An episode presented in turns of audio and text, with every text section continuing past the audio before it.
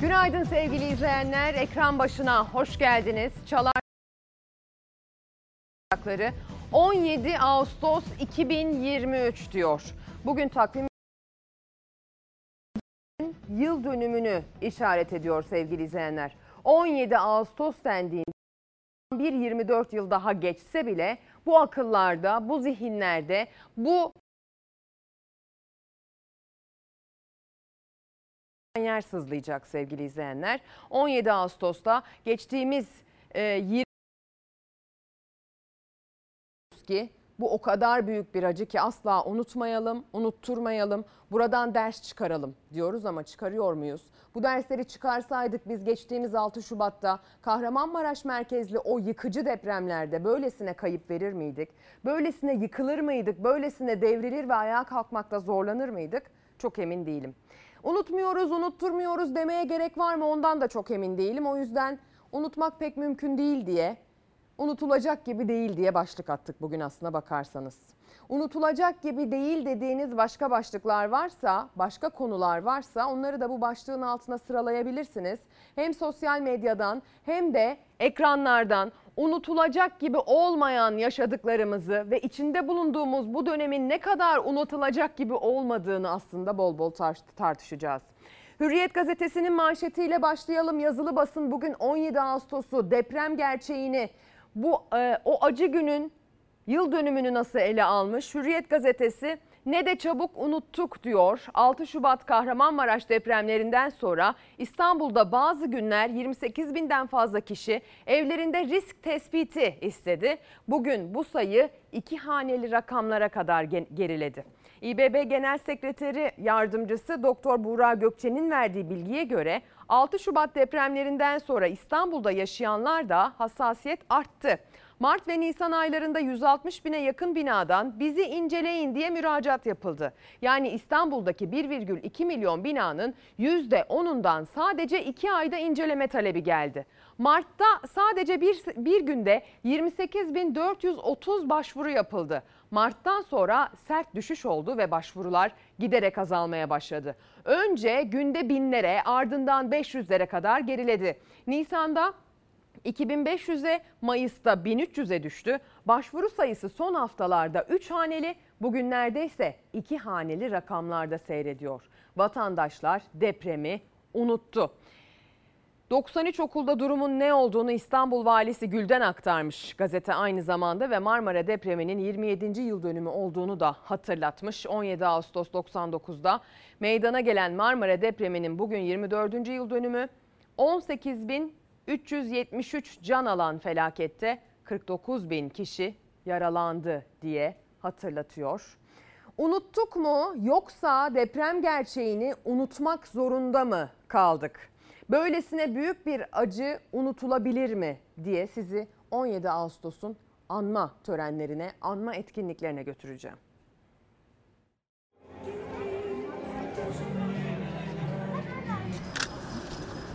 ...17 Ağustos depreminin üzerinden 24 yıl geçti. Depremde hayatını kaybedenler için birçok noktada anma töreni düzenlendi. Dualar edildi, Kur'an-ı Kerim okundu.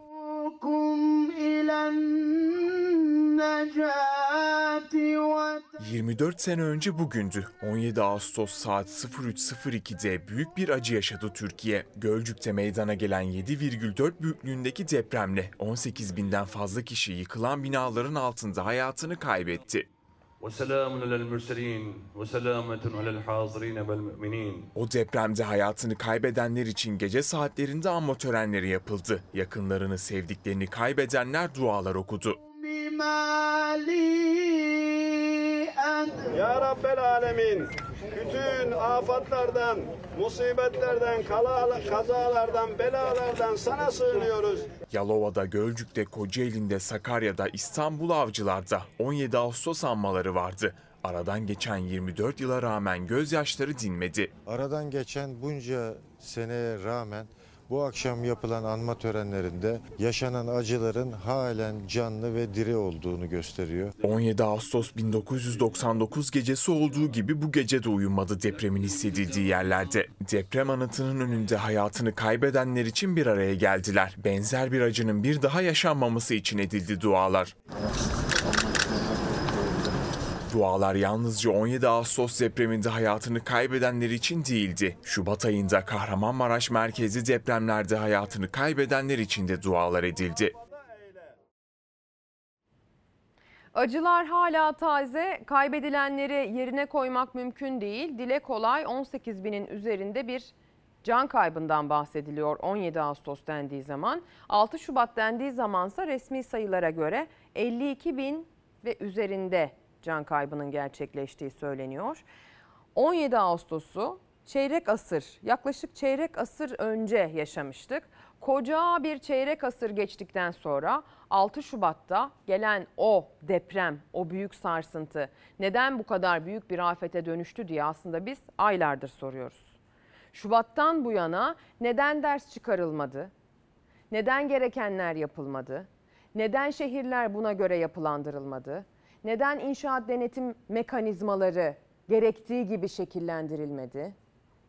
Neden inşaat sektörü bu ülkenin lokomotifi, ekonomi anlamında başı çekeniyken biz bu hale geldik? Hani öyle ya hani ekonomik anlamda baktığınız zaman Türkiye ekonomisinin e, bayrak sallayanı en önde gideni inşaat sektörü. Bunun da tartışılacak pek çok noktası var. Ama madem öyle, hani madem bunu bu şekle çevirdiniz bu yıllar içerisinde, e onu düzgün yapın bari. Bari düzgün olsun ki içinde insanlar ölmesin. Deprem unutuldu, başvuru sayısı arttı. Yarısı sizden, yarısı bizden. Yarısı az mı? Yarısı sizden, yarısı bizden de. Yarısı az mı? Değil. O yüzden Sonra da tabii ta- unutmak dendiği zaman, unutulmak dendiği zaman deprem gerçeği bir yana bir de depremzedelerimiz var. Unuttuk mu, unutuldular mı, neden unuttuk diye sorgulamamız gereken bir de orada hala yaşayan, can taşıyan, depremden kurtulmuş. Acaba kurtulmasay mıydık diye kafalarında soru işareti oluşturduğumuz canlar var. Yeni Çağ Gazetesi onları manşete taşıyor. Depremzede NATO'nun aşevine muhtaç edildi diyor Yeni Çağ. Felaketzedeyi kaderiyle baş başa bırakan iktidara bu ayıp yeter. Bölgeye yeterli gıda yardımı yapılmadığından şikayet eden Hataylı depremzedeler bir öğün yemek için NATO'nun kurduğu çadırın önünde saatlerce kuyrukta bekliyor. Yağmur da yağsa kuyrukta bekliyor. Termometreler 50 dereceye de çıksa o kuyrukta bekliyor. Güneşin alnında da olsa bekliyor. Sabah ayrı bekliyor, öğlen ayrı bekliyor, akşam ayrı bekliyor. Hasta var, yaşlı var, yürüyebilen var, depremde enkazın altından yaralanarak çıkan, dinlenmesi ve ona göre koşullarda yaşaması gerekeni var. Hadi gelin Hatay'a gidelim. Hadi unuttuk mu, unutulduk mu? İşte unutulacak gibi değil falan diyoruz da asıl unutulmak kavramını bu insanlar üzerinden de tartışmalıyız özellikle bugün.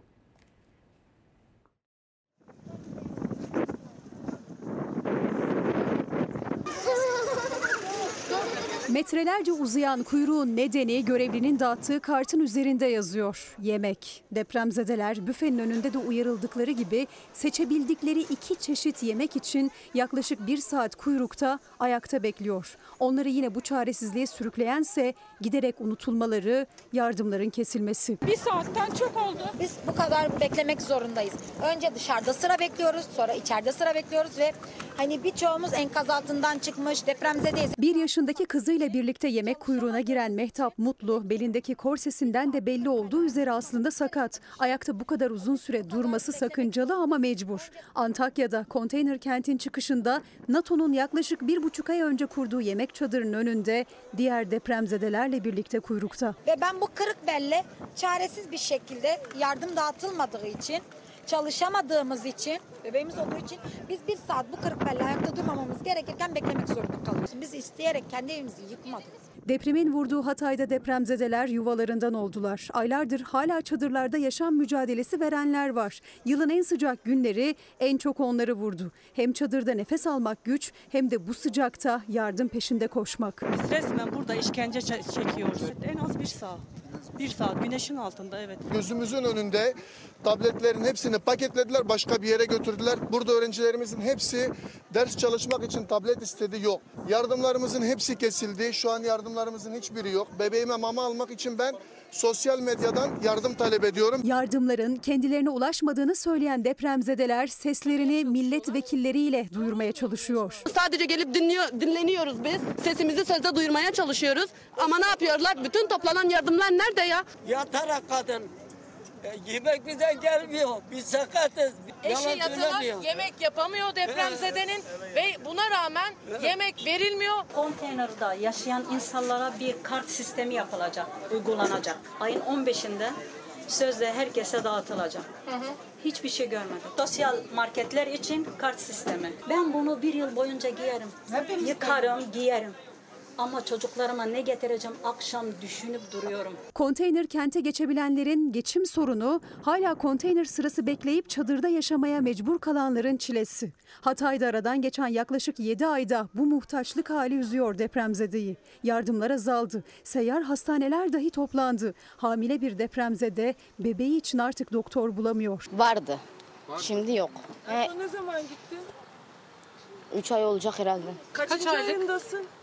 6. Geride kalan doktorlar da şikayetçi. Kısıtlı imkanlardan ve destek alamamaktan. Burada çalışan hekimlere ve sağlık çalışanlarına e, İzmir, İstanbul, Ankara e, gibi bölgelerde çalışan hekimlerin aldığı ek ödemenin üçte birini yapıyorlar. Yani yakında orada doktorlar biz burada çalışmak istemiyoruz derlerse, sağlık çalışanları biz burada zaten bu koşullar altında yapacak bir şeyimiz yok. El- e, elimizde ekipman yok, elimizde ilaç yok, elimizde doğru düzgün bir hastane yok. E zaten bizim burada bu çileyi çekmemizin bir bedeli bir karşılığı da yok. Biz gitmek istiyoruz başka yere derlerse şaşırmayın. O zaman kızmayın doktorlara. Devam edelim Pencere gazetesiyle. Pencere gazetesinin ilk sayfasından da aktardığı o uyarıyı ekrana da taşıyacağız. İstanbul'da büyük kaos olabilir. Yer bilimci Profesör Doktor Naci Görür, Gölcük yıkımının yıl dönümünde İstanbul için çok ciddi uyarılarda bulundu. Gölcük depreminin ardından yapılan araştırmayı referans göstererek periyodun sonuna doğru geliyoruz dedi. Profesör Görür, deprem anında yaşanacak karmaşa nedeniyle İstanbul'da kaos yaşanabileceğini de söyledi. Bir grup yaptığı çalışmada 99 depremlerinden sonra her an olmak kaydıyla Marmara'da 7 ve üzerinde bir depremin olma olasılığının yüzde 64 olduğunu buldular, yazdılar. Bütün dünyada büyük ölçüde bunu kabul etti. 2004 yılında da yayınladılar bunu ciddi bir şekilde. Dolayısıyla yani 20 30 yıl dediğin zaman işte sonu 2029 gelir. Yani bu şekilde e, biz de yani 24 seneyi nihayet geçirdik. Depremin yani olma periyodunun sonlarına doğru geliyoruz. Olası bir depremde İstanbul kendi kendine yetemez. Çünkü yani hastanelerin ne kadar çalışacağı, itfaiyenin ne kadar çalışacağı meçhul yani. E, Bir de bu gece kondu mantığıyla gelişmiş planlısız plansız e, bir kent. E, dolayısıyla yani depremde olabilecek yıkım nedeniyle burada ulaşım da olmayabilir veya çok sıkıntılı olabilir. İstanbul'da büyük bir kaos söz konusu olabilir. Ee, insanların belli bir kısmı göçük altında kalabilir. Onlara ulaşam, ulaşılamayabilir. Can kurtaranlar çalışamayabilir. Şimdi öyle bir depremin olması anında İstanbul kendi kendini besleyemez. Kendi kendine yardım edemez. Özetle kendi göbeğini kendi kesemez muhakkak dışarıdan Marmara bölgesinin dışından destek ve yardım gelmeli. Eğer İstanbul e, depremde yardım umut ediyorsa bunu bu depreme uzak büyük kentlerde yığı, yığışım yaparak veya onlarla anlaşma yaparak, planlayarak bu işi yapması lazım. Destek ve kurtarıcı ekibin dışarıdan gelmesi lazım. Ya da uluslararası ekibin yardımın gelmesi lazım. E bizde doğru düz havaalanı bile yok. Öyle bir kaos yaşanır diyor ki afet bilimciler, yer bilimciler, deprem bilimciler sevgili izleyenler. Hani hatırlayın 6 Şubat depremleri çok taze ya onu hafızadan geri çağırmak çok daha kolay. 6 Şubat depremlerinde ilk günlerde tam olarak depremin Nereleri yıktığına bile saatler sonra vakıf olabildik. Çünkü iletişim öylesine kesildi. Hatay'dan, Adıyaman'dan bir fikir almak, bir bilgi almak saatler sonrasına tekabül etti. Çünkü o şehirlerin dünya ile bağlantısı altyapıda yaşanan sıkıntılar nedeniyle kesildi. Hem telefonla ulaşmak, internet üzerinden ulaşmak, bir şekilde oradan bilgi almak mümkün değildi o durumda. Öyle bir durumdaydı ki mesela özellikle Hatay çok büyük bir yıkımın yaşandığı bölgeden bahsediyoruz. Yani sizi kurtaracak olan da size o haberi kamerasıyla, mikrofonuyla çıkıp sokakta o görüntüyü çekip size o haberi ulaştıracak olan da o yıkıntının altındaydı. Kendi kendilerine kaldılar. Havalimanı ulaşımı zaten hala yok biliyorsunuz. O zaman da havadan ulaşım kısıtlıydı, kesilmişti. Karadan ulaşım kısıtlı hale gelmişti o yoğunlukta. Dolayısıyla oraya ulaşmak, oraya yardımları ulaştırmak günler, haftalar sürdü. Hani değil ki orada en kritik 72 saatte gidip insanları enkazın altından çıkarmak için yeterli insan oraya ulaşabilsin. İstanbul için de aynı şey söz konusu. İstanbul'da da belki bu haberleri İstanbul'da deprem oldu, yıkıldık, göçtük, enkaz altında kaldık diyecek olan gazeteciler enkazın altında olacak. Kameramanlar, teknik ekipler, burada benim bu yayını size ulaşmasını sağlayan tüm arkadaşlarım, editörlerimiz bilemeyiz ki. Belki de bu televizyon kanalıyla ilgili, bu televizyon kanalları ile ilgili, karasal yayınla ilgili, uydularla ilgili, iletişimle ilgili sıkıntı olacak. İstanbul'da böyle bir deprem yaşandığında Türkiye'nin diğer köşelerine İstanbul'da neyin yaşandığını iletmek, ulaştırmak belki de günler alacak. Bırakın bize bir yardım gelmesini, bizi enkazın altından kurtaracak birilerinin gelmesini ya da diyelim ki şans eseri hayattayız. Herhangi bir yıkıntının altında yaralanmadık ya da can vermedik. Bize gıda yardımı gelecek.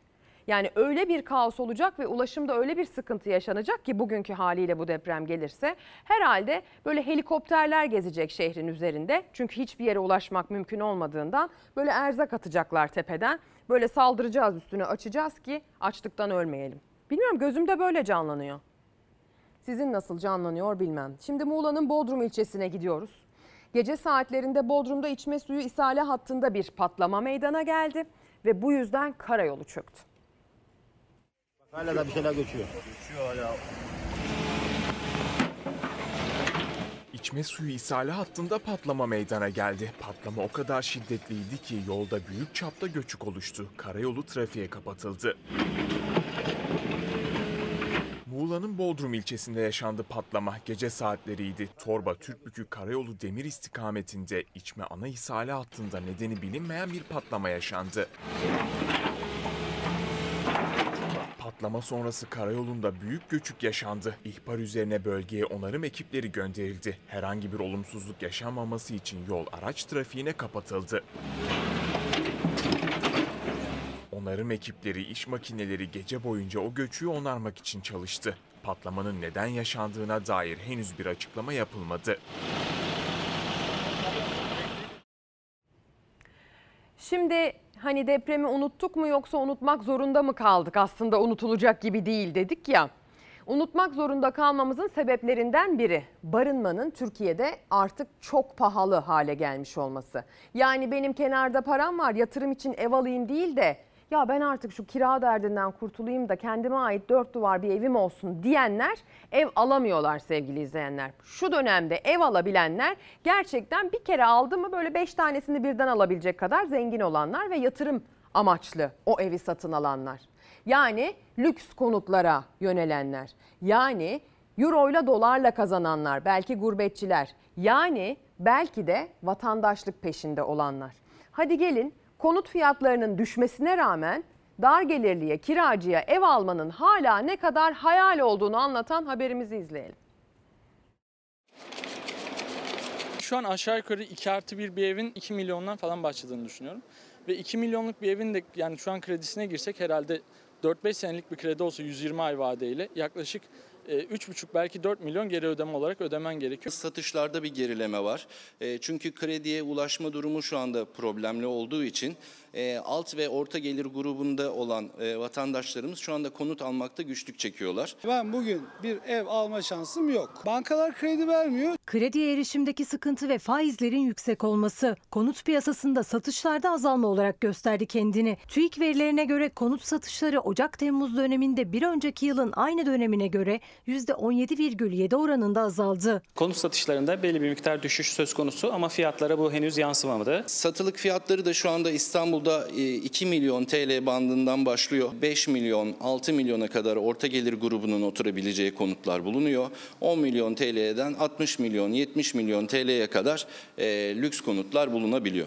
Dezenflasyona geçiş döneminde parasal sıkılaştırmanın öngörülebilirliğinin sağlanması ve birikimli etkileriyle talebin dengelenmesini bekliyoruz. Enflasyon raporu toplantısında konut fiyatlarını da gündeme taşıyan Merkez Bankası da Hazine ve Maliye Bakanı da dezenflasyon sürecine dikkat çekti.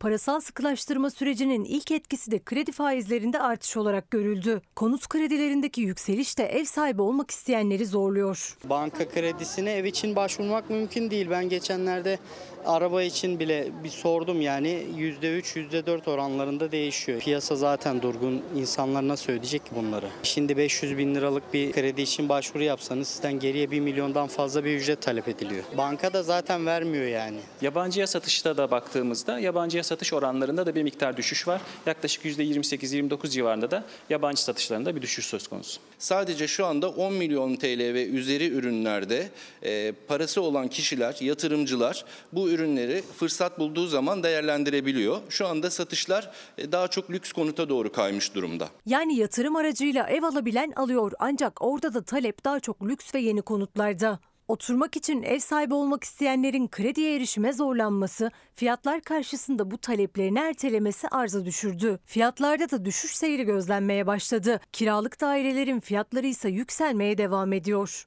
Kira fiyatlarını değerlendirecek olursak şu anda İstanbul'da merkezi lokasyonda en küçük daire 15.000 TL'den başlıyor. Kiralık fiyatlarında herhangi bir düşüş beklemiyoruz çünkü zaten kiralık konut stoğunda şu anda büyük bir problem var. Yani her ne kadar ucuzlamış olsa da senin benim gibi sabit gelirli maaşlı insan için hala hayal. Şimdi Eminönü Haliç Metro İETT durağında park halinde duran bir otobüsün denize düşme görüntüleri elimize ulaştı sevgili izleyenler. Bakın bu bu sabah gerçekleşiyor. Eminönü Haliç Metro İETT durağında park halinde duran bir İETT otobüsü denize düştü. Otobüsün boş olduğu öğrenildi neyse ki bakın tamamen suya gömüldü ve gözden kayboldu. Olay yerine polis ve itfaiye ekipleri sevk edildi. Ekiplerin çalışmaları devam ediyor. E, neyse ki içinde hiç kimse yoktu. Tabii günün ilerleyen saatlerinde bu otobüs denize neden düştü, nasıl düştü? E, belki el freninin çekilmesi mi unutuldu? İçinde bir şoför var mıydı?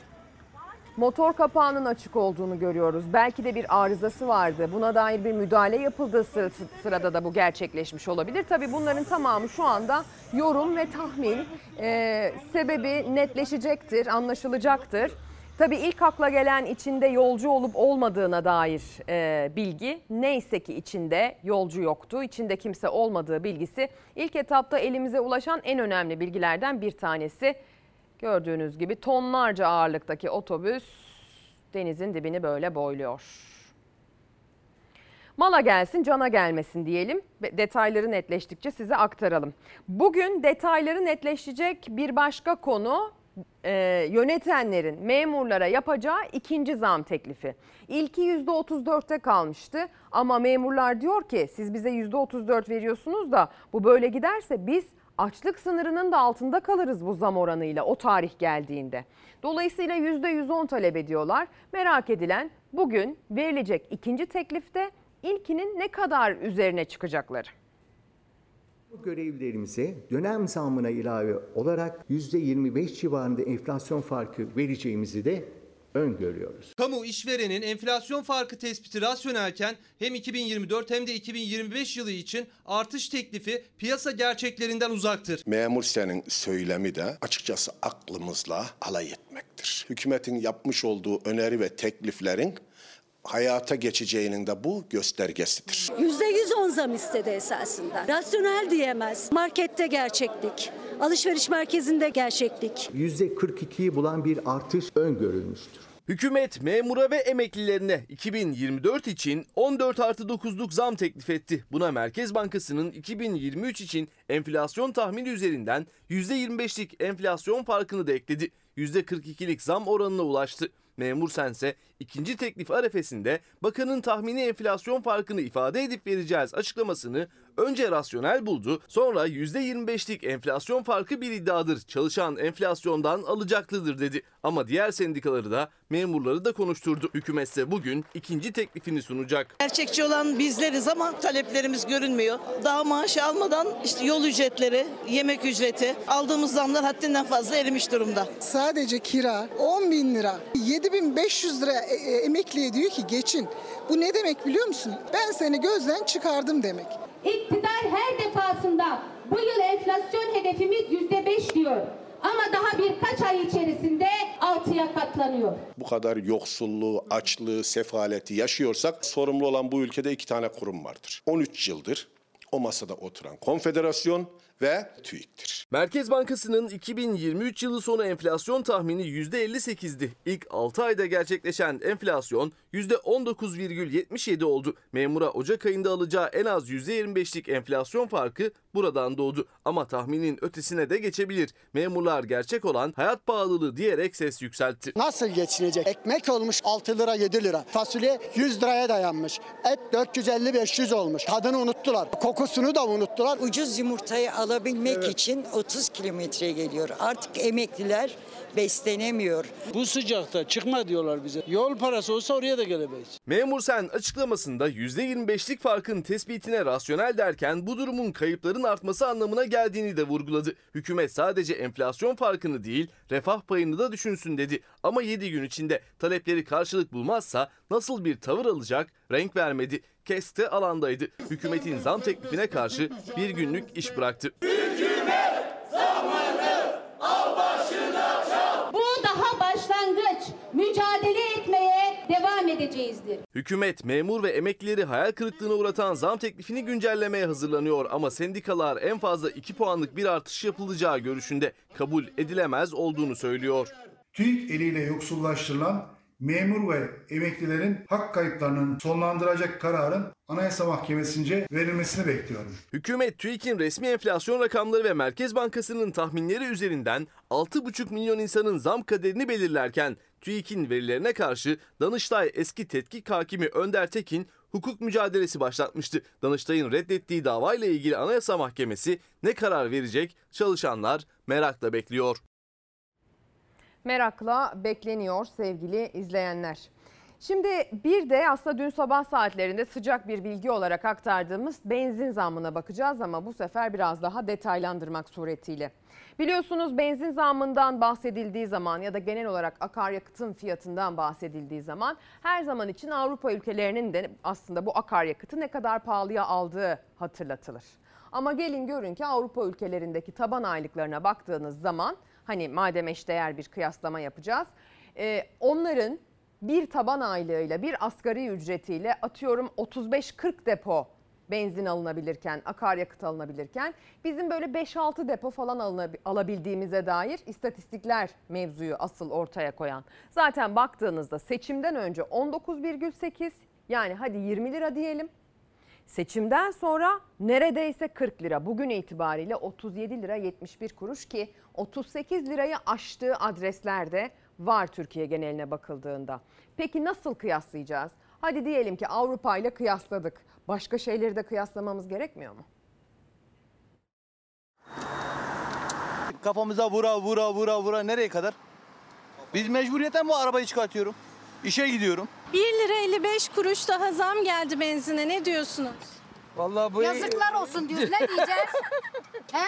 Benzin benzin. Hayır. Biraz insanları düşünmeleri lazım. Kur artışına bağlı olarak yeni zamlar gelebilir. İşte bu gece falan geldiği gibi. Uzmanlar benzine yeni bir zam daha geleceğini günler öncesinde işaret etmişti. Dedikleri de oldu. Benzine 1 lira 55 kuruşluk bir zam daha geldi. 37 lira 71 kuruşa yükseldi. 40 liraya doğru koşuyor benzin. Avrupa'nın en ucuzu denilen benzin Avrupa fiyatlarına bakıldığında zam dalgası da devam edecek mi endişesi yaşanıyor.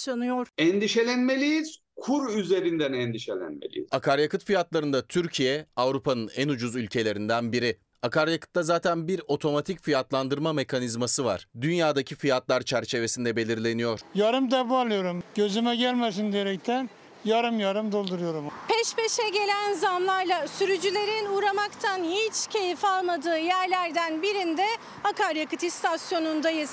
Benzin fiyatındaki artış durdurulamıyor. Öyle ki son gelen 1 lira 55 kuruşluk zamla benzinin litre fiyatı 37 lira 71 kuruş oldu. Bütçeye bakmamız lazım. Hazineden çıkanlara bakmamız lazım. Ekonomiyi de düzeltebilirler. Önce giderlerine bir hesaplarına baksınlar. 14 Mayıs seçimlerinde litre fiyatı 19 lira 81 kuruş olan benzinin fiyatı seçim sonrası %90 arttı. İstanbul'da litre fiyatı 37 lira 71 kuruş olan benzinin 13 lira 80 kuruşu ise ÖTV ve KDV.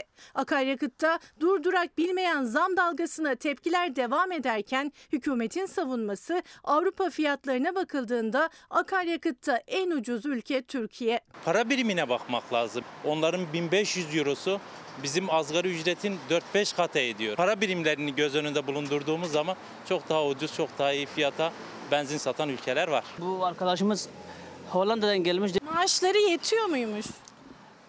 معاشهایتان چه رقم میرسه به نظر و کارتون میگه یه قدر معاش شما قیمت است etiyor diyor. Avrupa yaklaşık olarak söylüyorum bir ortalama ücretle 40 depo.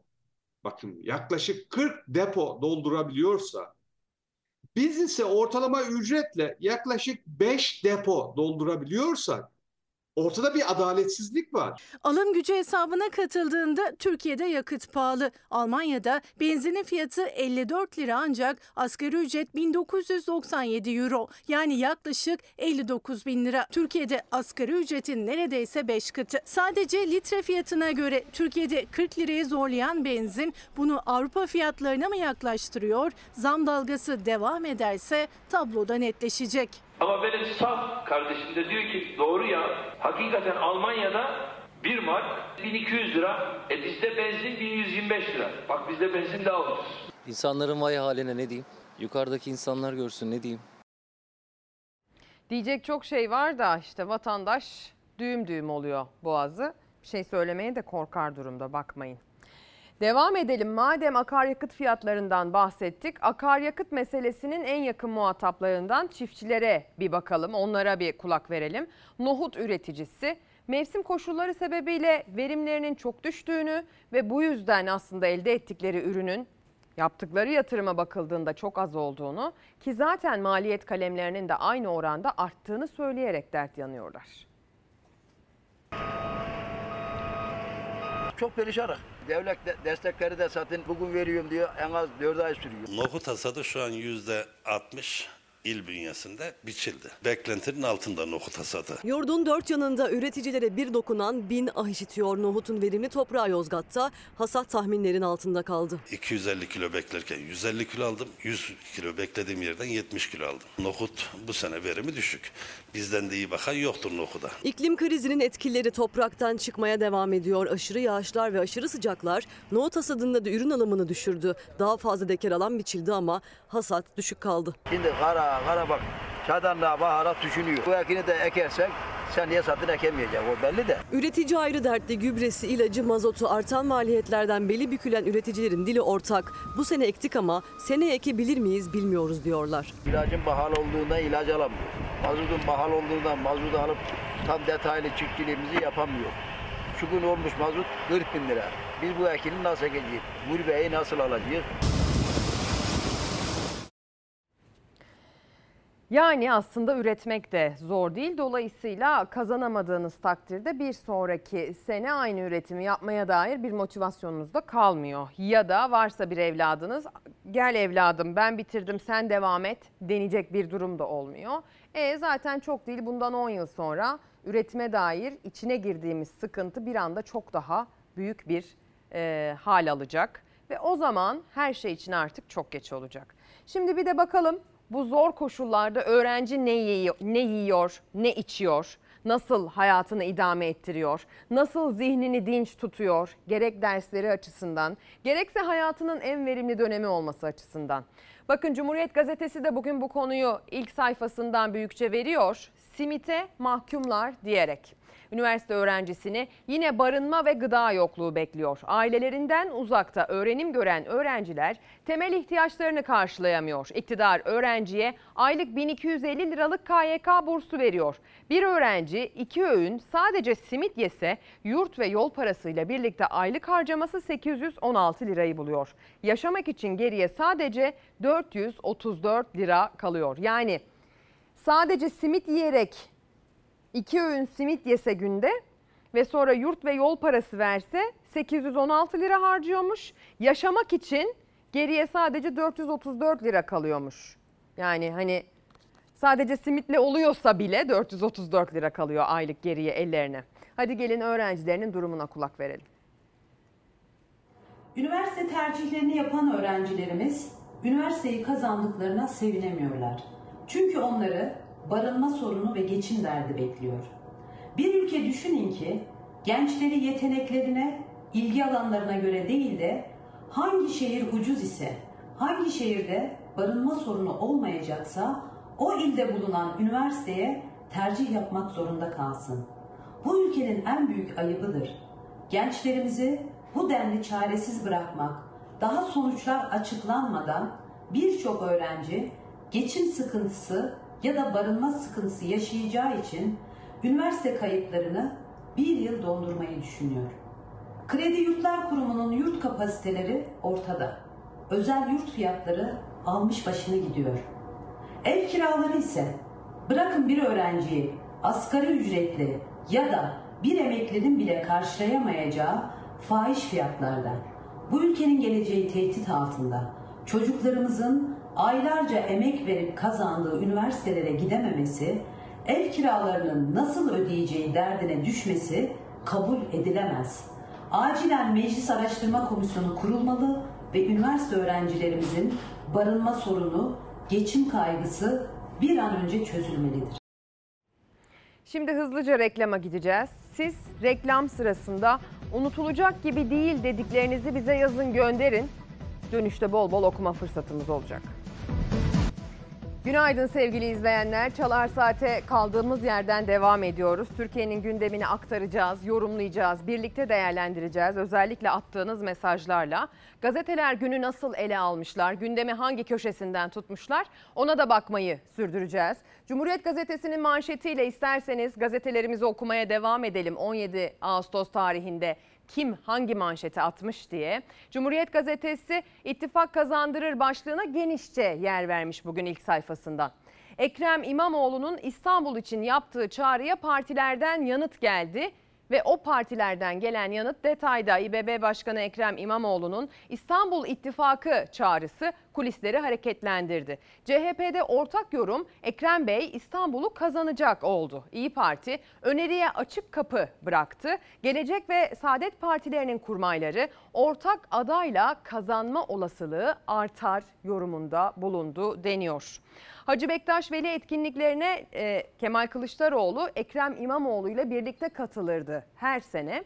Bu yıl içinde bu etkinlikler için iki gün sonrasında gidecek olduğu etkinliğe Kılıçdaroğlu program değişikliği yaparak iki gün önce gitti. Ekrem İmamoğlu bu değişikliği yapmadı programında dolayısıyla ayrı ayrı gitmiş oldular. Denk gelmemiş oldular.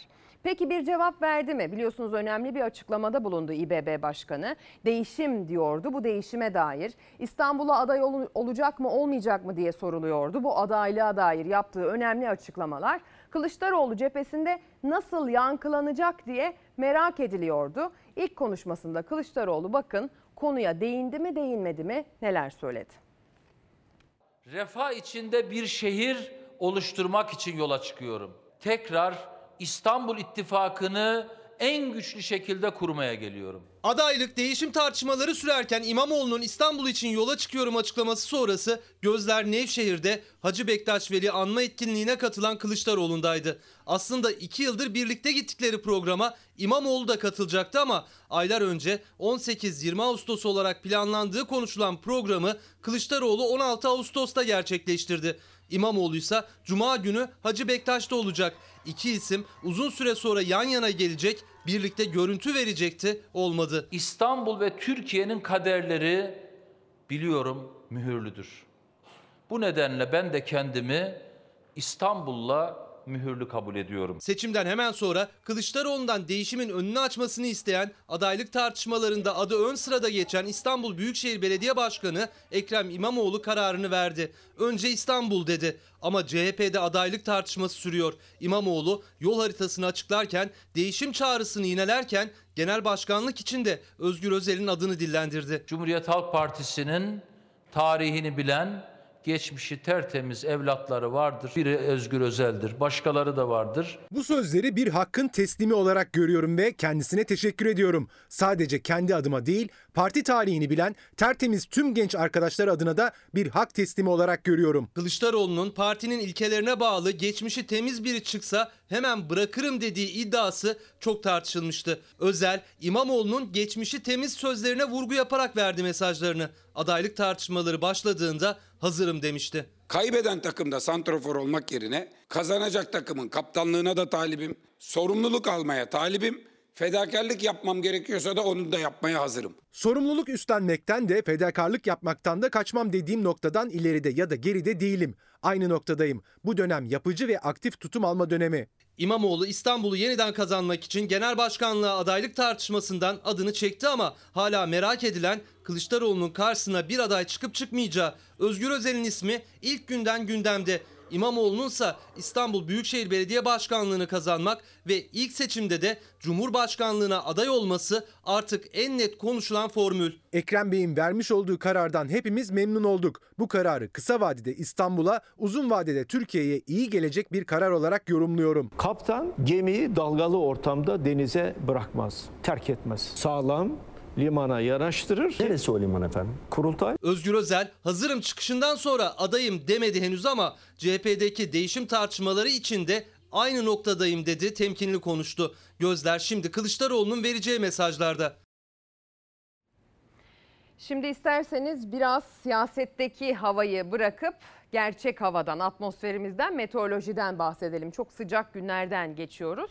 Özellikle batıda ve Marmara bölgesinde nemin de çok yüksek olduğu dolayısıyla ölçülenle hissedilen arasında büyük farkların yaşandığı hissedildiği günlerden geçiyoruz. Marmara bölgesine baktığımızda bugün yine teselli niteliğinde bir kuvvetli rüzgar var. Tabii ki kuvvetli rüzgar konusunda tedbiri elden bırakmamak lazım. Hani uçma, kopma, devrilme, deniz ulaşımı açısından dikkat edilmesi gerekiyor ama hani alarm boyutunda bir uyarı da değil bu rüzgar uyarısı. Rüzgar uyarısı şöyle biraz içimizi rahatlatıyor. Nem çok yüksek olduğu için bu rüzgar bir miktar olsun nefes almanızı kolaylaştırıyor. Dün mesela daha zayıftı. Rüzgar daha az bir kuvvetle esiyordu Marmara'da. İstanbul'da dolayısıyla nefes almak daha zordu. Bugün bir nebze olsun bu nemi bu rüzgar sayesinde daha az hissedeceğiz. Ama 30 ölçülüyorsa 35 derece hissedilmeye ve bunaltmaya devam edecek hava ve birkaç gün daha böyle süreceğe benziyor. İç ve doğu kesimlere baktığımızda benim bir şey söylememe gerek kalmadan harita zaten sıcaklıkların olması gerekenin üzerinde olduğuna dair uyarıyı adeta bağırarak söylüyor. İç ve batı kesimlerde Ege bölgesinin özellikle güneyinde hani o rüzgarın da daha az etkili olduğu yerlerde bu sıcak hava etkisini gösterecek. Doğu Anadolu bölgesinde de yine aynı şekilde hava oldukça sıcak. Mevsim normallerinin yaklaşık 6-7 derece üzerinde sıcaklıklar söz konusu. Deprem bölgesine, Güneydoğu Anadolu bölgesine baktığınızda ise mevsim normallerinin 10 derece kadar üzerine çıkabiliyor termometre değerleri. Bugün ve yarın benzer şekilde seyredecek hava durumu. Böyle bölgesel, lokal küçük yağışlar var ama gerçekten yok denecek kadar az. Çok teselli niteliğinde de değil. Ee, İstanbul'daki nem sanki zaten yoğuşmuş bir yağmurun içerisinde yürüyormuşsunuz gibi hissettiriyor. Öyle bir hava var ki mesela biz bu manzaradan karşı kıyıyı bu nem dolayısıyla az çok hani biraz seçebiliyoruz sadece. Biraz seçebiliyoruz. E, çünkü ciddi anlamda nem etkili. Sıcaklıklarda çok ciddi bir değişiklik yok. Gönül isterdi ki bu sıcak havalarda herkes deniz, güneş, kum tadını çıkarabilsin, sahillerde olabilsin ama herkes olamıyor tabii. Şimdi sizi Bodrum'a doğru götüreceğim. Bodrum'da bir deniz temizliği yapıldı. Tatil denince, tatil cenneti denince akla ilk gelen şehir, ilçe biliyorsunuz Bodrum. Bodrum'da bir deniz temizliği yapıldı. Masmavi olması gereken, tertemiz olması gereken o güzide ilçe Bodrum'un suyundan bakın neler çıktı.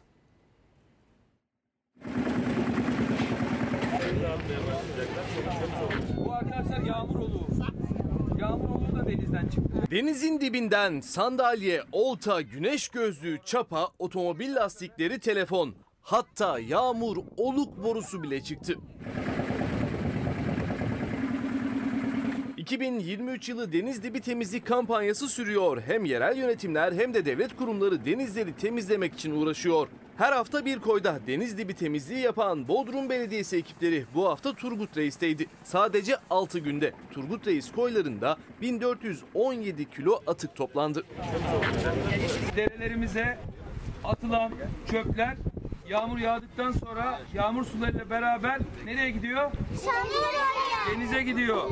Yani dere yataklarını da temiz tutmak zorundayız. Bodrum Belediye Başkanı Ahmet Aras denize en çok mavi yakışır diyerek denizden çıkan atık malzemeleri çocuklarla birlikte inceledi. Denizi kirletmeyin. Çünkü deniz bizim çok değerli bir arkadaşımızdır. Denize çöp atmayalım. Denize en çok mavi yakışır. Muğla İl Tarım ve Orman Müdürlüğü ise Bodrum'da Gümüşlük açıklarında deniz dibinde tonoz ve çapa temizliği yaptı. Denizden çıkanlar herkesi durup düşündürdü. hiç görülmesini istemediğimiz manzaralar.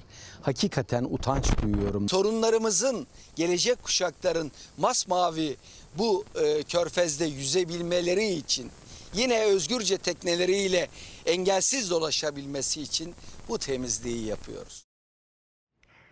Biz insan ömrünü her şey zannediyoruz. Kendi ömür süremizi, yaşantımızı her şey zannediyoruz. Yani o deniz bizden önce de vardı, bizden sonra da var olmaya devam edecek. Ama öyle zannediyoruz ki dünya bizimle başlıyor ve bizimle bitiyor. Hal böyle olunca denize o tonlarca ağırlıktaki çöpleri atmakta da bir sakınca görmüyoruz.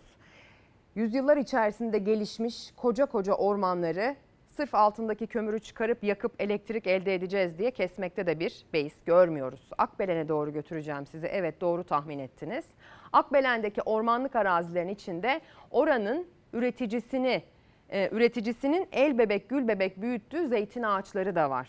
İnsanlar o zeytinlerle geçindiler, çoluk çocuk okuttular ama artık kesim ormanları tahrip ettikleri o saha geldi dayandı zeytinliklere kadar. Aslında oraya girmek yasak ama Fox Haber ekibi o zeytinlikleri ve o zeytinlikleri el bebek gül bebek büyütenleri sizler için görüntüledi.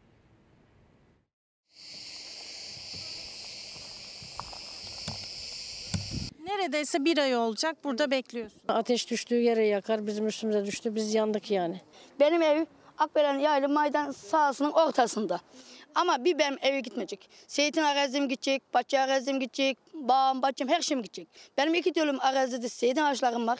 Dört tane çocuğumu o topraktan, o zeytinden, o zeytin yağlanan okuttum. Geçim kaynakları, kazançlarıyla çocuklarını okuttukları zeytinlikler tehlike altında. Muğla Milas İkizköy'de termik santralin son alan genişletme çalışmasıyla Kızılçam ağaçları bu hale geldi. Maden sahası sınırları zorlaya zorlaya ilerlerken ormanın kalbindeki zeytinliklere kadar dayandı. Jandarmanın giriş yasağı koyarak etrafını çevirdiği zeytinliklere ulaşmak çok zor. Fox Haber traktörle ormana girerek yılda tonlarca zeytin veren o ağaçları görüntüledi. Bu Akbelen Ormanı'nda şimdiye kadar hep zeytinlikleri korumaya çalıştık biz. 3 kilometre yakınına gelemez dedik zeytin yasasına göre. Ama adamlar az önce gördük zeytinin yanında çit çeviriyorlar yani. Hani onlar için yasa masa yok, hukuk yok. İki sene de mücadele verdim. Ormanımı vermeyeceğim dedim.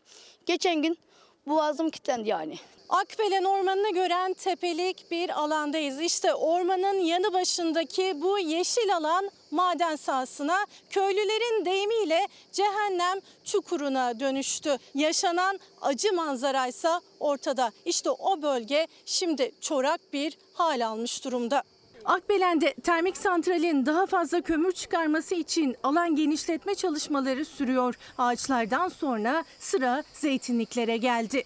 Köylülerin en önemli geçim kaynaklarından biri de zeytincilik. Akbelen ormanlarının içerisine doğru ilerledikçe işte binlerce zeytin ağacını görüyorsunuz. Bu ağaçlardan her yıl tonlarca zeytin çıkıyor. Bundan 10 sene 15 sene önce köylülerimizden 5-6 tona kadar yağ yapan vardı. Ben mesela bundan 8 sene önce 3 ton yağ yap- yapıyordum. Geçen sene 300 kilo yağım oldu. Bu zehirli toz çiçeğin gö- göbeğine düştüğü anda orasını yakıyor. O meyveden kaldık, zeytinden kaldık. Kamulaştırmayla adını dünyaya yazdıran Muğla Milas zeytinleri yok oldu. Evlerini, bahçelerini satan köylülerse artık parayla alıyor zeytinyağını.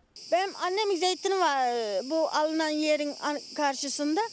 5 sene oldu, 6 sene oldu annem zeytini almaz ola. Çiçek yağı yiyor annem. Hem doğamı, hem topraklarımızı, hem çamlarımızı, hem havamızı, hem suyumuzu aldılar elimizden yani. Doğasına, topraklarına sahip çıkan ikiz köylüler sonuna kadar mücadele etmeye kararlı. Biz marjinal değiliz. Biz sadece köyde köylü olarak yaşamak istiyoruz. Farkındalık e, yaratan falan denildi bize. Evet farkındalık yarattık çünkü ikiz köylüler olarak tam 4 senedir bu şirketlere kafa tuttuk. Evet ben marjinalım. Ben toprağımı, havamı, suyumu korumakla işeyim. Yine de koruyacağım, yine de koruyacağım. Kanımın son damlasına kadar yine koruyacağım. Yine çamımın arkasındayım, yine toprağımın arkasındayım. Akbelen tabii ki çok acı, çok zor durumda sevgili izleyenler. Biz de oranın nabzını tutmayı sürdüreceğiz. Ama başka akbelenler de yok değil. Bakın İzmir İlk Ses gazetesi başka bir noktaya dikkat çekiyor bugün itibariyle. Sarıcılar köyü akbelen olmasın diyor. İzmir'in Bergama ilçesinde bulunan Sarıcalar köyündeki 1070 hektarlık ormanlık alana kurulması planlanan güneş enerji santrali için ağaçların kesilecek olmasına tepki geldi deniyor. Yani akbelenler bir tane iki tane değil ve az evvel haberde izledikleriniz gibi ağacını korumaya kalkan da çok kolaylıkla marjinal ilan ediliyor maalesef bizim ülkemizde. Diyor ya Akbelen'de sesini duyuran vatandaş biz artık zeytinyağını tüketemiyoruz zeytinlerimiz yok olduğu için ya da bu tozdan dolayı verimi düştüğü için biz artık ayçiçek yağı yemeye başladık diye. Kendi zeytinini, kendi zeytinyağını tüketmeye alışkın olanın bırakın ayçiçek yağı yemesini başka bir ağacın, başka bir dağın zeytinyağına alışması bile çok zorken insanlar orada artık zeytini zeytinyağını ulaşması da çok zor olduğu için tamamen bırakmışlar. Yani aslında bu kültüre de o mutfağa, o e, desene de zarar veren bir durum. Bu gerçekten neresinden tutsanız olur tarafı olmayan bir mesele. Ama biz ağaçları keserken, biz doğaya zarar verirken içinde bulunduğumuz iklim krizini tamamen unutuyoruz. Yani haftada bir, hadi en fazla belki de bu aylarda ayda bir. Ne yapıyoruz? Karadeniz'e dönüp bir selin haberini vermek zorunda kalıyoruz. Karadeniz'de yaşanan bu seller de iklim krizinin oraya olan özel etkisi. Yani İç Anadolu'yu, Ege'nin iç kesimlerini çölleştiriyor. Aşırı sıcak hava, ortalama sıcaklık değerleri artıyor ama Karadeniz'de zaten yüksek olan yağış rejimini arttırıyor. Peki buna hazır mı altyapı, üst yapı, yollar, şehirler? Soru işareti. Hala dere yatağına yapılan, inşa edilen evlerde can kaybından bahsetmek durumunda kalıyoruz zaman zaman. Yine Karabük'te geçtiğimiz aylarda yaşanan bir sel felaketinde çöken bir yola doğru gideceğiz. Üzerinden aylar geçmesine, bakanlar tarafından ziyaret edilip söz verilmesine rağmen hala yol çalışmalarında ilerleme olmadığından bahsediyor bölgenin insanları ve vekilleri. herkesin tanıdığı şekliyle doğa harikası Şeker Kanyonu'ndayız. Biliyorsunuz buraya ülkemizin her bir bölgesinden sayısız turist akın akın geliyor bu bölgeyi geziyor. Ama artık gezemiyorlar. Niçin mi gezemiyorlar? Hemen arkamızda göreceksiniz yolun tamamen göçtüğünü. Ne zaman göçtü? Son sel felaketinde göçtü. Yol ulaşıma kapandı.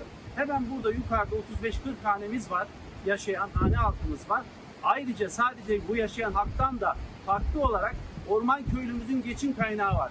Yukarıdaki ormanların bulunduğu bölgeden tomruklar kamyonlarla bu yolla taşınıyor. Bu yolla ulaşıma açık vaziyette ilgili yerlere intikal ediyor. Ama şu anda oraya da intikal edemiyor. Hemen sel felaketinden sonra Sayın İçişleri Bakanı Ali Yerlikaya ve heyeti bu bölgeyi ziyarete geldi. Durumu da gördüler. Burada da söz vermişler bir an önce bu yolu ulaşıma açacaklarına dair ama geldik gördük ki tık yok. Yol kapalı, açık değil. Bu kabul edilemez. Bir an önce yetkilileri buradan uyarıyoruz. Bu yolu ulaşıma açsınlar. Kocameşe dediğimiz yere kadar yaklaşık 30-25-30 kilometrelik dere güzergahında tüm yollarımız gitti. Şu anda çalışmalar yapılıyor ama yetersiz. Bir an önce çalışmalarını hızlandırılarak çözüm bulmaları bekliyoruz yetkililerden. Tekrar buradan yetkilileri uyarıyoruz. Lütfen bir an önce bu yolu ulaşıma açın. Bu ve buna benzer başka adresler de var aslında sık sık sesini duyurduğumuz sevgili izleyenler. Şimdi biraz ekonomiden bahsederek devam edeceğiz. İçinde bulunduğumuz enflasyon artık gerçekten hareket etmemizi, nefes almamızı engeller hale geldi. Evden çıkmamızı engeller hale geldi. Hani bırakın yatırım yapmayı, ev almayı, kiradan çıkıp ev sahibi olmayı, belki araba almayı ya da daha iyi bir arabaya binmeyi artık yol parasını düşünmek zorundayız. Çarşıya, pazara giderken işte nasıl yürürüm, neresi en yakın bunu hesap etmek zorundayız. Peyniri de nereden daha ucuza alırım? Şu marketten şunu alsam, öbür marketten de bunu alsam daha ucuza getirir miyim? Ne kadar kar ederim diye düşünmek zorunda vatandaşlar başta emekliler olmak üzere. Bu enflasyondan ne zaman bahsedilse çıkan yetkili bir ağız, iktidardan bir siyasi isim diyor ki işte şu tarihte enflasyonu tek haneli rakama düşüreceğiz sürekli enflasyon ileri bir tarihte tek haneli rakama düşürülecek şeklinde vaat duyuyorsunuz. Hatta öyle ki işte ekonominin başındaki bakan ya da işte Merkez Bankası'nın başına yeni getirilen isim çıkıyor diyor ki enflasyon beklentimizi yükselttik ya da enflasyonun tek haneli rakama düşmesine dair tarihi öteledik diyor. Ama buna rağmen siyasi isimler çıkıp başka başka tarihler vererek enflasyonu tek haneli rakama düşürdük, düşüreceğiz demeye devam edebiliyorlar. Hadi gelin bir enflasyon beklentisi ve tarih haberi izleyelim. Belki kafamızdaki karışıklığı biraz giderir. Enflasyonla mücadele ederken giderek tek haneli enflasyonu hedeflerken Yüksek enflasyon diye bir sorunumuz var. Önümüzdeki senenin ortalarında enflasyonda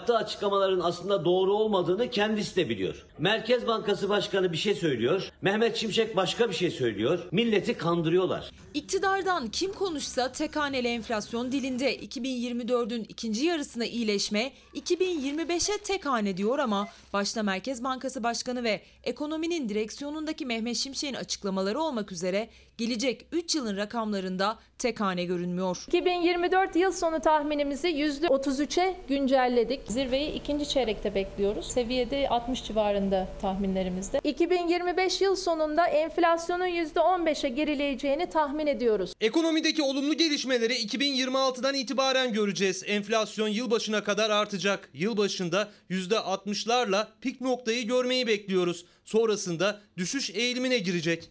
Türkiye'nin ekonomisinin sorumlusu benim ben. Kulislere göre Mehmet Şimşek rahatlama için 2026'yı işaret etti. Merkez Bankası 2023, 24, 25 için yeni tahminler ortaya koydu. Hepsinde enflasyon çift tanede. Şahap Kavcıoğlu döneminde de hedef hep %5 ama tahminler hiç tutmamıştı. 2021'in enflasyon tahmini %18'di. Yıl biterken iki katı enflasyon gerçekleşti. 2022 yıl sonu enflasyon tahminini %42.8'den %60.4'e yükselttik. Merkez Bankası'nın enflasyon tahminlerinin sürekli değiştiği yılsa 2022 oldu. Yıl 11,8'lik tahminle açıldı. Ocak ayı raporunda enflasyon tahmini %23,2 olarak geçti. Nisan'da bu oran %42,8'e, Temmuz'da %60,4'e, Ekim'de %65,2'ye çıkarıldı. Türkiye 2022'yi %64 enflasyonla bitirdi. 2023 yıl sonunda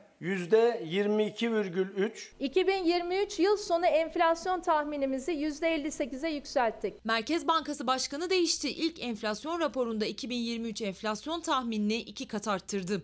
Domatesi Yazın ortasında bile turfanda fiyatına yiyen bir vatandaşa enflasyonun düştüğüne inandıramazsınız. Daha seçimden bugüne kadar 3 ay geçmedi ama mazot iki kattan fazla zamlandı. Bekle bekle ne zamana kadar bekleyeceğiz? Hasadın sonuna geldik. 5 gün önce Konya'da AK Parti'nin bir ilçe başkanlığının önünde yaşanmıştı bu anlar. Enflasyonda tek hane için 2025'e randevu veren Binali Yıldırım'ın üreticinin enflasyondan memnun olduğunu söylemesi de gündem oldu. İster tarımda, ister sanayide üretici memnun. Nasıl memnun olsun çiftçi? Geçen sene buğdayı ekerken 19 lira aldığı mazotu bu sene biçerken 37 liradan hasatı yaptı. Buğday fiyatı ne kadar? Geçen seneyle hemen hemen aynı. Hatta piyasada daha da altında. Seçimden sonra enflasyon düşecek, tek haneye inecek, alım gücü yükselecek. Hepsi söylendi. Doğru olmadıkları ortaya çıktı. Milletin alım gücü düştü ama AK Parti aynı yalanı söylemeye devam ediyor. Belki bir gün gerçekten enflasyon tek haneli rakamlara düşecek ki o bir gün ne zaman gelecek bunu öngörmek imkansız. Gördüğünüz gibi kimse öngöremiyor tam olarak. Öngörenlerde bir tutarlılık yok. Ama ne olacak? Geriye dönüp bakıldığında bu günler unutulacak gibi günler değildi diye anılacak. Unutulacak gibi değil başlığını bugün 17 Ağustos tarihine istinaden attık. 24 yıl yaklaşık çeyrek asır dile kolay. Çeyrek asır boyunca 17 Ağustos'tan ne kadar ders çıkarmadığımız hani çeyrek asır zaman geçmesine rağmen bir arpa boyu bile yol almadığımız 6 Şubat'ta verdiğimiz acı kayıplarla suratımızda adeta bir tokat gibi patladı. Pencere gazetesi 17 Ağustos gazetesinin manşetini şekillendirirken sadece 17 Ağustos'tan değil 6 Şubat'tan da tabii ki bahsediyor. Ders çıkarılsaydı 6 Şubat'ta canımız yanmazdı diyor Pencere. Gölcük depreminin üzerinden 24 yıl geçti. 17 Ağustos'taki sarsıntıda binlerce insan hayatını kaybetti. Şehirler, ilçeler yok oldu. Türkiye aynı acıyı tekrar yaşamasın diye yeni tedbirler alındı, yönetmelikler çıkarıldı.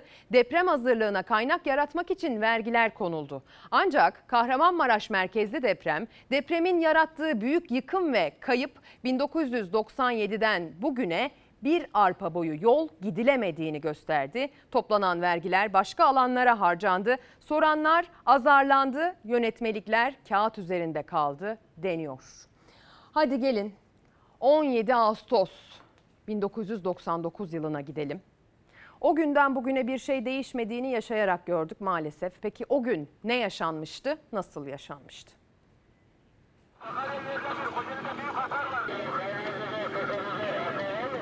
Maalesef olumlu haberler verebilecek durumda değiliz. Türkiye'nin hafızasında acı bir yer eden haberi bu sözlerle duyurdu Bülent Ecevit. 17 Ağustos 1999'da gecenin sessizliğini önce dev bir uğultu sonra feryatlar bozdu. 45 saniyelik deprem resmi açıklamalara göre 18 binden fazla kişiyi hayattan kopardı. Takvimler 17 Ağustos 1999'u gösteriyordu. Tüm Türkiye uykuda yakalandı depreme. 7,4 büyüklüğüyle sarsıldı Marmara bölgesi. Depremin merkez üssü Gölcük'tü.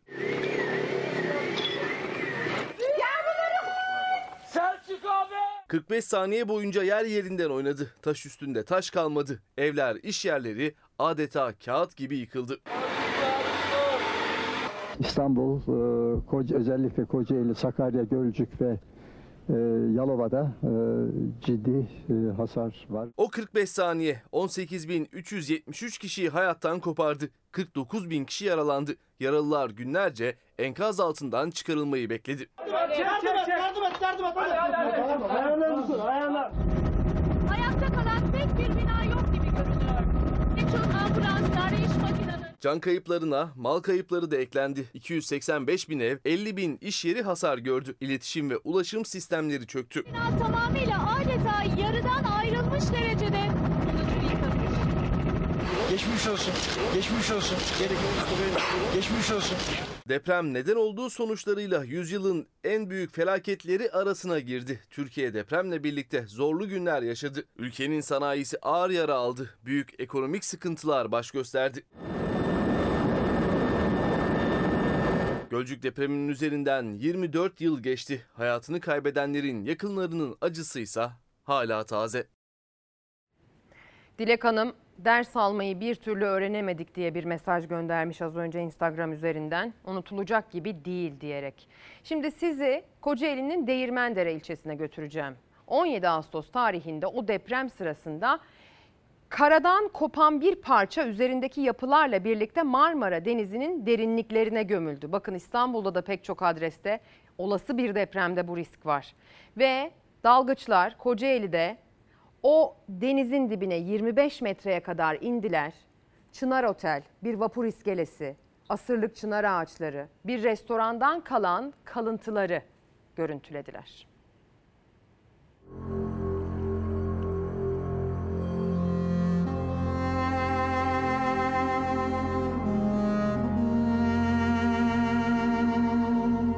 ...7,4 büyüklüğündeki depremle suya gömülen bir kara parçası, bir otel binası, vapur iskelesi, asırlık çınar ağaçları ve bir restoran. Aradan geçen 24 yılda depremin büyüklüğünü hatırlatırcasına derin denizde varlıklarını sürdürüyorlar.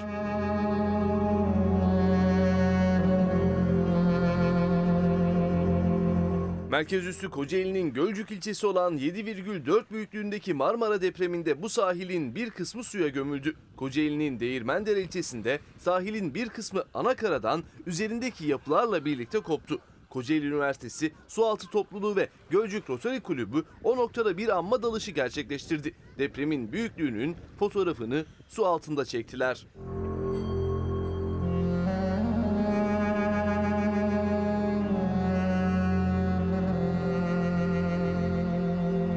6 Şubat Maraş depremi felaketiyle beraber ülkemizin deprem kuşağında olduğunu tekrar hatırlamış olduk. Bu durumu unutmadan herkesin üzerine düşeni yapması için bu farkındalığı oluşturmaya amaçlıyoruz. 3 katlı otel binası, bir vapur iskelesi, çınar ağaçları ve bir restoran depremden önce sahilin belki de en güzel noktalarından birinde misafirlerini ağırlıyorlardı. Aradan geçen 24 yılda Marmara'da denizin yaklaşık 25 metre derinliğinde üzerlerinde yosun kaplı halde bize deprem gerçeğini hatırlatıyorlar. Ya. Unutulacak gibi değil. Unutulacak gibi değil başlığına gelen pek çok mesaj var. 6 Şubat depremini yaşayanlar, 17 Ağustos depremini yaşayanlar hala unutamadıklarına dair mesajlar gönderiyorlar. Bir de etin fiyatını unuttuğundan bahsedenler var gönderilen mesajlarda. Orbay Emin, günaydın aslında biz millet olarak unutulduk. Unutan da hükümet diyor üstelik 21 yıllık diye de vurgulamış. Hadi gelin o zaman etin fiyatını hatırlamaya çalışalım ve zam gelmeyecek denirken gelen zamma bir bakalım. Kasabın yanına uğramaktan korkuyorum çünkü cebde para yok. Emekli misin? Evet. Kırmızı et en son ne zaman yediniz? Vallahi hatırlamıyorum. Seçimden beri almıyorum ben bunu. Ucuz etin zaten getirilmesinin sebebi et fiyatlarının önüne geçilmesiydi. Ama geçemedi. Ucuz market olarak tasarlanan Cumhurbaşkanı Erdoğan'ın alışveriş yapıp uygun bulduğu Tarım Kredi Kooperatifi mağazalarında da kırmızı et zam şampiyonu oldu. Bir yıl içinde kooperatifte en çok zamlanan ürünlerin başında %114 artışla dana kuşbaşı yer aldı. Geçen yıl 400 gram paketler halinde 51 lira 50 kuruşa satılan ucuz et sınıfındaki dana kuşbaşı bir yılda 108 lira 90 kuruşa yükseldi. Kırmızı etin tadı unutuldu. Alıyorum et, tavuk alıyorum. Kırmızı et Bu ara almıyorum, alamıyoruz. ne kadar zamandır almıyorsunuz? Valla bayağı oldu bu, bir ay oldu alamıyorum. Kırmızı et fiyatlarına Kurban Bayramı'ndan hemen sonra 20 lira birden zam gelmişti. Bu yüzden tüketici kırmızı etten uzaklaştı. Şimdi daha fazla uzaklaşmasın diye kırmızı et artan akaryakıt fiyatlarına karşı direnmeye çalışıyor. Maliyetler çok yüksek. Çok yüksek olduğu için et fiyatlarına yansıyor haliyle. Şu anda ete e, zam gelme söz konusu değil. Yani şu anda ete zam gelmeyecek. Kasap zam gelmeyecek dedi ama birkaç dakika sonra haberi geldi tüccardan. İşler değişti. Az önce akaryakıt fiyatlarına direnmeye çalışıyor kırmızı et demiştik ama çok fazla direnemedi. Az önce kasaba haber geldi. Yarından itibaren kırmızı etin kilosuna 5 lira zam geliyor. Yani 370 lira olan kıyma 375 lira olacak. Evet 3 dakika içinde hemen 5 lira zam geldi diye haber geldi. Maalesef mesajımız böyle geldi yani. Ne zaman geçerli olacak? Yarın sabahtan itibaren 5 TL zamlı. Almıyoruz. Pahalı. Ne kadar zamandır almıyorsunuz? Kurbandan kurbana kendimiz bir yıl boyunca kurbanlık parası biriktirebilirsek kurban kesiyoruz. Dağıttığımızı dağıtıyoruz, gerisini yiyoruz. Sonra? Sonra yok. Sonrası yok bazı dar gelirli için. Gelecek olan zamdan sonra hep 100 liralık kıyma alan içinde aldığı miktar biraz daha azalmış olacak. Kıyma aldım. Ne kadarlık aldın? 100 liralık aldık. Ama işte az geliyor. Kıyma. 370 lira var, 360 lira var. 200 liralık alacağım. Alamayız. 5 lira daha zam geliyor yarın geçerli. Valla güzel. Daha da çalamazız oğlum. Öğrenciler ve veliler artık sınıfta kalmak geri geliyor ve devamsızlığa dair af ve hoşgörü diyelim tırnak içerisinde ortadan kalkıyor. Devamsızlıkla ilgili önümüzdeki eğitim öğretim yılı sonunda çocuklarımız af ya da benzeri beklenti içerisinde olmasınlar. 12. sınıf öğrencilerimizi devamsızlıktan bırakmayacağız. Onlar muaf olacaklar. Rahat bir şekilde YKS sınavlarına hazırlansınlar. 3 ay arayla 2 Milli Eğitim Bakanı'nın yaptığı iki farklı açıklama. 8. Milli Eğitim Bakanı Mahmut Özer 3 Mayıs'ta devamsızlığa bağlı sınıfta kalmanın olmayacağını müjdelemişti. Halefi 9. Milli Eğitim Bakanı Yusuf Tekin ise tam aksini söyledi. Hatta devamsızlık için gözdağı verdi. Sınıf tekrarının kapısını açtı. Devamsızlık ve sınıf tekrarı konusunda çok ciddiyiz. Şimdiden arkadaşlarımızı uyarmış olalım. AKP iktidarının 21 yıl sonra eğitimin getirdiği tablo tam bir enkaz. Milli eğitimde tam bir çöküş var. Ne milliliği ne de eğitimliği kalmadı. Adı var, kendisi yok. Yaklaşık bir ay sonra 11 Eylül'de yeni eğitim öğretim döneminin ilk ders zili çalacak. Değişecek eğitim sistemiyle. Milli Eğitim Bakanı Yusuf Tekin okulların açılmasına sayılı günler kala liselerde sınıf tekrarının yeniden başlayacağını duyurdu. Henüz mevzuat değişmedi ama tartışması sert başladı. Sorunların sebebi sınıf tekrarının olmaması mı yoksa eğitim sisteminin tamamen sınav merkezli hale gelmesi mi? Zaten eğitim sistemi birkaç yıldır eğitim sistemi çorba, çorba. Yani çocuklar bir ikilem içerisinde nasıl bir yol çizeceklerinin bile farkında değiller. 2021 yılının Haziran ayından bu yana liselerde devamsızlık nedeniyle sınıf tekrarı yani sınıfta kalma kaldırılmıştı. Eğer öğrencilerin ders notları da zayıf değilse yeni bakan Yusuf Tekin sınıf tekrarı olmamasından kaynaklı sorunlar var dedi. Sistem değiştirmeyle ne ellerine geçecek ki? Baştan bozuk yani. Eğitim baştan bozuk. Devamsızlıkla ilgili Milli Eğitim Bakanlığı'nın yapması gereken çocuklarımızın okula gelmemesinin sebebinin ne olduğunu tespit etmek ve bu sebepleri ortadan kaldırmak. Gelmeme sebepleri arasında en başta yoksulluk olduğunu görüyoruz. Eğitim öğretim sürecinin dışına çıkıp çalışmak zorunda kaldıkları için okuldan ayrıldıklarını görüyoruz. Bakan Yusuf Tekin devamsızlığa af yok açıklamasına açık liselere geçiş uyarısını da ekledi. Açık liselere geçiş zorlaşacak. 11. sınıftan 12. sınıfa geçen orta öğretim öğrencilerinin arasında yaygınlaşmaya başlayan açık liseye kaymalar söz konusuydu. Bu merdiven altı izinsiz kurslar üzerinden bir hazırlık sürecine devam ediyor. Milli Eğitim Bakanı Yusuf Tekin'in açıklamalarında aslında bir itirafı görüyoruz. Artık çocuklarımızın, gençlerimizin okullara devam etmediği itirafı. Nitelikli bir eğitim ortamına sahip olmadıklarını görüyoruz. Ben şu an mezunum, üniversite sınavına hazırlanıyorum. Ee, 11. sınıfta kendim açığa geçtim. Okuldaki eğitimi beğenmedim, dershaneye giderek 11 ve 12'yi tamamladım. Bu sene de mezun olarak hazırlanıyorum. Devamsızlık yapsanız da olur, okula gelmeseniz de olur. Notlarınız düşük olsa da olur, sınıfı da geçerseniz demek. Zaten aslında okulda bir şey öğretmiyoruz. Çok da önemli değil bu okul mesajını veriyor çocuklara galiba sevgili izleyenler. O yüzden belki de bir geri adım atılması desteklenebilir. Ama sürekli ileri geri, ileri geri adım atılması desteklenecek gibi değil tabii ki. Şimdi içimiz açılsın biraz. Size veda ederken ekrana getireceğim görüntülerle biraz göğsünüz kabarsın, gönlünüz şenlensin. Kültür ve Turizm Bakanlığı arşivindeki Mustafa Kemal Atatürk görüntülerini restore etti. Artık daha kaliteli görüntülerle onu izleme şansına sahip olduk sevgili izleyenler. Film Mirasım web sitesinde izleyiciye sunulan o görüntülerden bir kupleyle size veda edeceğiz. Yarın sabah saat 8.30'a kadar hoşçakalın. Daha şüphem yoktur ki Türklüğün unutulmuş büyük medeni vasfı ve büyük medeni kabiliyeti bundan sonraki inkişafıyla Ati'nin yüksek medeniyet ufkundan yeni bir güneş gibi doğacaktır.